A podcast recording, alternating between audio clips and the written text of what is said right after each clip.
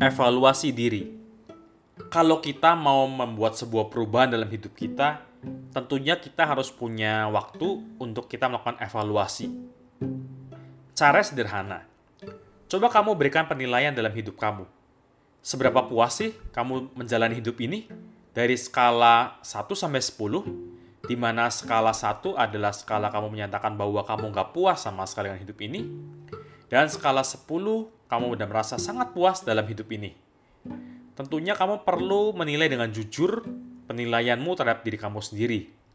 Kalau angkanya misalkan katakanlah di angka 7. Kemudian, cobalah tanyakan dalam diri kamu sendiri.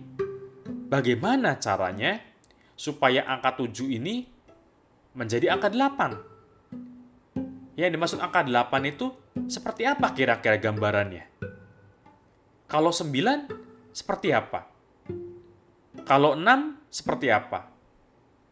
Saat kamu sudah bikin sebuah indikator yang jelas, maka kamu tahu apakah kamu sedang menuju perubahan yang lebih baik ataukah kamu mengalami kemunduran.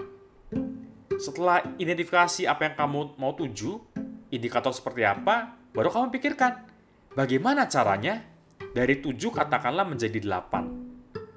Inilah pertanyaan-pertanyaan yang akan memberdayakan diri kamu, membuat diri kamu tentunya menjadi lebih baik.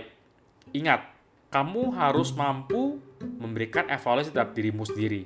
Tujuannya supaya apa? Supaya kamu bertumbuh. Demikian dari saya, Adrian Luis.